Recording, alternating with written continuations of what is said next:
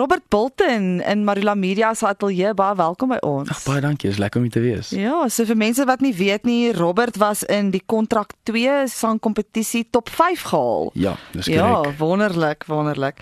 Nou Robert, vertel ons net 'n bietjie meer van jouself en net so 'n bietjie van jou agtergrond en waar jou musiekloopbaan begin het.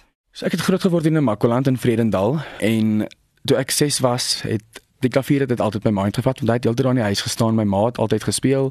Maar somehow het sy erns in die proses opgehou toe my pa my ma getrou het en toe ek 6 was, toe gaan besluit ek ek gaan nou hierdie instrument probeer leer. En toe ek heeltemal verlief geraak op musiek en ek dink dit is waar alles begin het.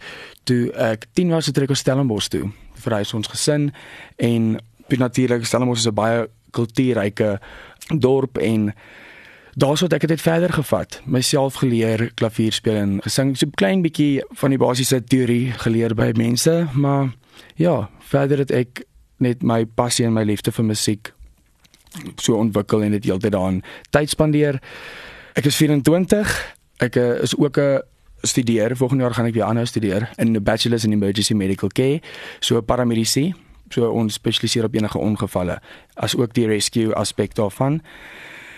Ek is 'n verskriklike besige mannetjie, baie baie energiek en 'n totale optimis. Dit klink 'n bietjie rof en heeltemal in kontras met jy weet die musiekwêreld. Die musiek ding help my baie want ek kan dit gebruik asof 'n uitlaatklep om 'n bietjie van die emosies en die frustrasies van ontslae te raak. So ja, dis hoekom ek my eie musiek ek skryf. So waar die paramedisie vandaan gekom? Hoekom wou jy graag dit doen? Ek het nog altyd 'n baie groot liefde om met mense te help en die eerste keer wat iets met my gebeur het of iets met iemand anders gebeur het wat ek net uit instink uit opgetree het was in Tities Bay. Het ons 'n pa en seun naweek gehad en ek was ek dink graad 6, dis 12 jaar oud en toe kom 'n kind by een duin afgehardloop en in trane en hysteries en sê die ene ouetjie is dood, die ene ouetjie is dood en ek hardloop toe uit instink uit op en toe het hulle in 'n duin gegrawe om soos 'n cave te maak en toe die duinebom collapse. Sure. En toe ek daarbo kom toe begin ons net te grawe en uit instink uit begin ek CPR toe te doen en I survive. Ja. En ek dink dit is waar daai regtig ingesink het dat ek 'n goeie gut feeling het vir sulke goed en dat ek definitief moet in daai rigting en ook beweeg. Ja, dit is Ja. fantasties dat jy dit toe nou uiteindelik gedoen het. Ek is baie bly daaroor. So jy's nog baie jonk. Waarheen sien jy hierdie musiekdroom of die musiekpad jou lei? Is dit iets wat jy op die einde graag hoofsaaklik sal wil doen of wat dink jy wat gaan gebeur in die toekoms? Ja, ek sê altyd eh, die mediese kant is my passie en musiek is my droom. So verseker as ek 'n lewe kan maak van net musiek, is dit 100% wat ek graag sal wil doen vir die res van my lewe. Maar ek sal nog steeds verseker wil werk as 'n emergency practitioner net om daai passie van my ook verstaan te beoefen en uit te leef en mense te help. Kom ons praat 'n bietjie oor daai musiek wat jy nou self skryf. Jou heel jongste enkelsnit se naam is Vliegte naby aan die son. Vertel my net so 'n bietjie, wat is die klank van die liedjie en die boodskap? En jy weet, wat het dit vir jou geïnspireer? So dit is 'n metafoor. So basies die val van Icarus van die Griekse mitologie het ek gebruik as 'n metafoor om die einde van my vorige verhouding self uit te beeld. En die storie van Icarus is mos waar sy hy en sy pa baie vasgesit en sy pa het hom 'n paar vlerke geskenk. Hy was in ekstase en so gelukkig met dit en sy pa het hom gesê moenie te naby aan die see vlieg want die vlerke te swaar raak en as jy te naby aan die son gaan vlieg, gaan die vlerke smelt. En so in die verhouding kon ek nie glo hoe gelukkig ek is in die verhouding en dit was net so so wonderlik en ek wil obviously net heeltyd daarvan gehad het en ek het op die einde meer tyd in die verhouding spandeer as wat ek noodwendig op myself spandeer het. En so moes ons die verhouding beëindig, 'n gemeenskaplike besluit. Net sodat ons kan terug aarde toe val en so ons self kan eers lief hê voor ons moontlik ons baie weer kruis. En vertel my so 'n bietjie saam met wie jy gewerk aan die liedjie en saam met wie jy geskryf en net so 'n bietjie die proses agter die vervaardiging van die liedjie. So ek het agter die klavier gaan sit by Fred en Hartog van Ewels Fantasties in die studio en Hunter Kennedy was ook saam daarso en ons het toe saam begin skryf. Ek het toe die idee vir hulle voorgelê en verduidelik min of meer wat ek wil doen. En ek sit toe voor die klavier en begin te speel. En toe ek daai chord progression soos hulle sê net vas en ons begin toe op dit uit te brei. En die hele gevoel as jy na die musiekvideo op YouTube ook gaan kyk dis 'n baie majesteuse gevoel wat dit skep. Omdat dit self vliegte naby aan die son Griekse mitologie dit dit moet self majestic die beste woord wat ek kan gebruik om dit te beskryf. So ja, ek en Hunter het die song geskryf en ek en Fred het dit produce. Hoe gebeur dit dat 'n mens uitkom by groot name soos Hunter en Fred? Hoe het jy in daai ateljee beland? Die kontrak het regtig my baie baie deure oopgemaak. Obviously ek was in die saam met 'n klomp van die bekende kunstenaars saam gewerk. Dit was altyd my idols gewees en nou skielik is dit vernote. En so het ek 'n uh, maar net kontak gehou met die mense en uitgereik. Ek dink dit is belangrik om nooit skaam te wees om uit te reik na mense toe, veral as jy oorspronklike content wil skryf. Ek dink baie mense in die musiekbedryf op die huidige oomblik skryf nie net hulle eie musiek en dit is vir my 'n baie baie belangrike aspek van my loopbaan in musiek is om die gevoel van wat ek in my liedjies van vertel in alle waarheid kan oordra sodat hulle kan voel want ek voel as iemand anders vir jou liedjie skryf dan kan jy nie noodwendig so relate met dit en dit oordra dat ander mense dieselfde gevoel kry as jy dit nie self fisies ervaar het nie. Toe ek uitreik na hulle toe toe ontvang hulle my met oop arms en hulle was baie baie keen vir dit. Is daar een of twee hoogtepunte wat jy in jou loopbaan tot dusver kan uitsonder?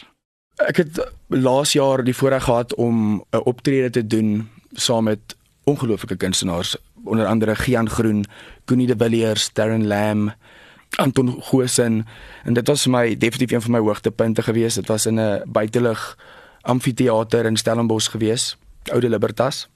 So dit was vir my regtig spesiaal om saam met hulle van hulle oorspronklike musiek te kan doen en net saam met daai legendes op 'n verhoog te staan en heeltemal independent te wees dat dis so klein bietjie ek wil sê makliker nie, maar jy het as jy in 'n span werk soos met 'n met 'n record label dan het hulle juis reeds daai kontakte waar dit vir my obviously 'n langer proses is want ek moet self daai kontakte opbou.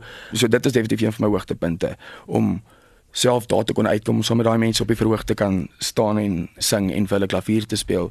Daar was 'n 6 meter lang vleuel Steinway and Sons klavier en dit het net my dit is ook een van die hoogtepunte van daai wow. dag. Dit was ongelooflik.